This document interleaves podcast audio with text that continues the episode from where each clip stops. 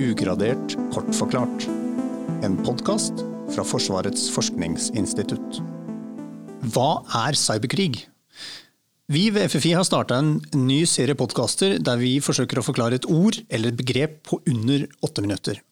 Og I dag så skal vi eh, forsøke oss på det litt mystiske og ulne begrepet cyber og cyberkrig. Mannen som er her for å forklare alt for oss, heter Torbjørn Kveberg. Han er statsviter og forsker på cybersikkerhet og cyberoperasjoner her ved FFI. Eh, velkommen, Torbjørn. Tusen takk. La oss bare begynne på det. Hva, hva betyr egentlig eh, cyber, og hva er cyberkrig? To veldig gode spørsmål. Vi pleier å si at cyber er et prefiks. Eh, vi setter det foran et annet sånt meningsbærende ord, som krig eller kriminalitet. Eh, og indikerer da på en måte at krig eller kriminalitet skjer i cyberspace. Eh, og det er egentlig hele greia. Du kunne sagt cybervits, og så, og så gir det litt mening, det også. Eh, veldig anvendelig sånn sett. Men det betyr også at man må forklare da, hva betyr dette meningsbærende ordet, krig eller kriminalitet. Og For å forklare hva cyberkrig er, så må jeg nok først si litt om cyberspace, hva det er for noe. Og De fleste av oss er jo kjent med internett, og det er kanskje den største bestanddelen av cyberspace.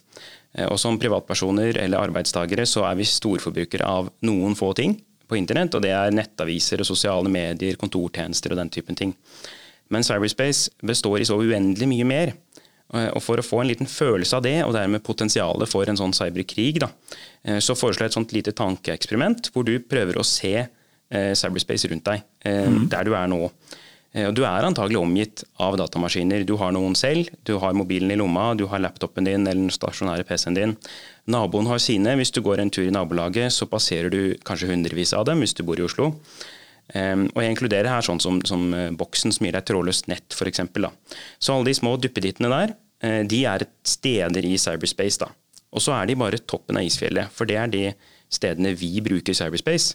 Men bak dem på en måte, så, så, gjemmer det seg et lite samfunn av datamaskiner som løser mange mange små og rare oppgaver vi ikke visste eksisterte. De hjelper bilen din, eh, de hjelper kanskje kaffetrakteren din og strykejernet ditt, og de hjelper stridsvognen til Forsvaret. Eh, kampflyene våre, eh, ting skal snakke sammen, samarbeide, regne kjapt. ikke sant? Masse sånne ting rundt oss, både i Forsvaret og ellers i samfunnet, hjelpes av små datamaskiner i cyberspace. Og da nærmer jeg meg egentlig litt dette poenget med cyberkrig. da.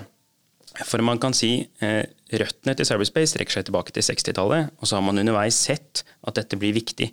Eh, så informasjon og data vil forme fremtidens konflikt og hvordan man slåss. Eh, og Det tenkte man eh, på tidlig 90-tall, og da skrev noen en artikkel med tittelen 'Cyber war is coming'.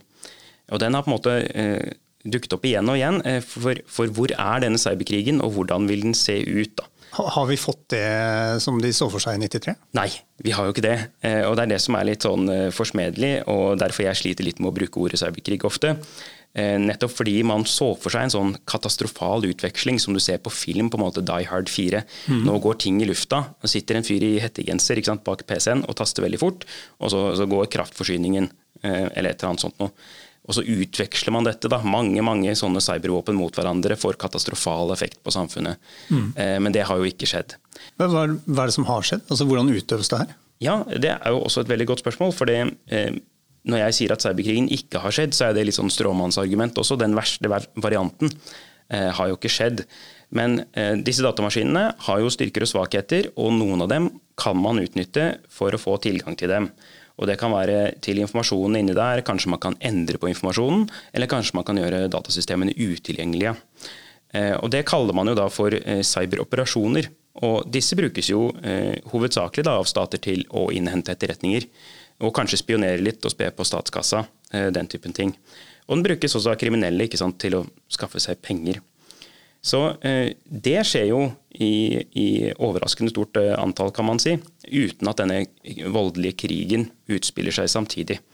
Ja, det har nok overrasket i hvert fall mange samfunnsvitere, kanskje ikke så mange teknologer, som visste litt om hvor vanskelig eh, det er å oppnå den typen sabotasjeeffekter, at ting skal gå ordentlig i stykker over tid. Mm. Hvorfor er det så vanskelig? Da må du virkelig forstå disse systemene godt. ikke sant? Du må, du må forstå hvordan fungerer programvaren? Hva er sårbarheten i den? Hvordan styrer den kanskje et fysisk system? Og hva er sårbarheten i det fysiske systemet? Er det noen overhodet muligheter her for å ødelegge det fysiske systemet via programvaren. Det er ikke sikkert det er det engang.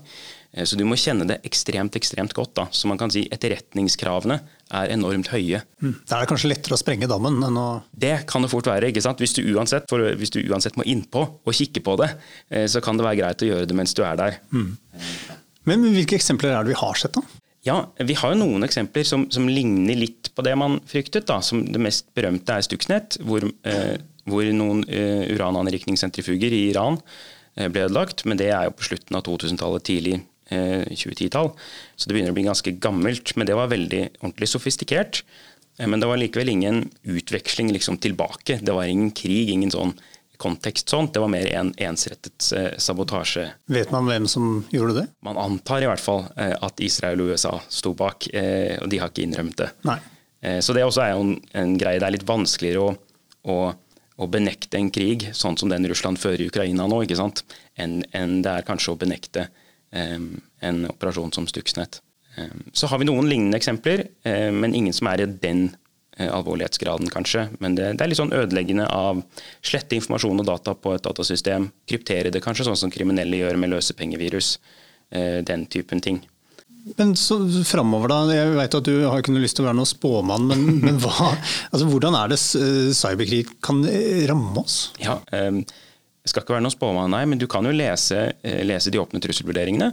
Og der ser du jo at eh, man venter eh, cyberoperasjoner mot, mot, Norge. Men da snakker man jo om først og fremst etterretning, ikke sant? Ikke, ikke om sabotasjen. Så hvis den krigen skal ramme oss, så, så tenker jeg mer i retning av det, det FFI tenker på i scenarioporteføljen vår. Hva er det som kan skje med Norge, hvor Forsvaret må brukes. Og Da har du liksom en, en, krig som kontekst, og så skjer det noe cyberting inni den konteksten. Det er ikke cyberkrigen i seg selv eh, som er det viktige, men det er den større krigen som faktisk er en krig. Mm. Eh, men om det da vil skje sofistikert eh, sabotasje og skje en sånn utveksling av nesten sånne logiske våpen, det har vi ikke så stor tro på eh, likevel. da. Fordi det er, nettopp fordi det er vanskelig. Du og jeg, da, hva er det vi kan gjøre i, i hverdagen, enten det er cyberoperasjoner eller cyberkrig? Hva, hva, må vi passe på?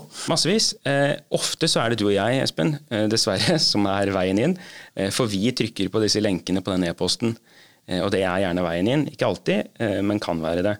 Eh, og, og da er det det å lære seg å kjenne de igjen. Eh, og ikke trykke på lenker eh, du ikke vet hvor kommer fra. Ofte så, jeg, jeg trykker jo ikke på lenker fra banken min f.eks. Jeg går på banken min sine hjemmesider og så logger jeg meg inn når jeg får en, en melding om at Torbjørn har skjedd noe i banken. Nemlig. Vi får la det bli det siste ordet. Vær forsiktig med hva du trykker på eh, som kommer fra cyberspace. Tusen takk for at du tok deg tid. Eh, dere der ute får følge med på eh, ffi.no for nye og spennende podkaster. Takk for i dag.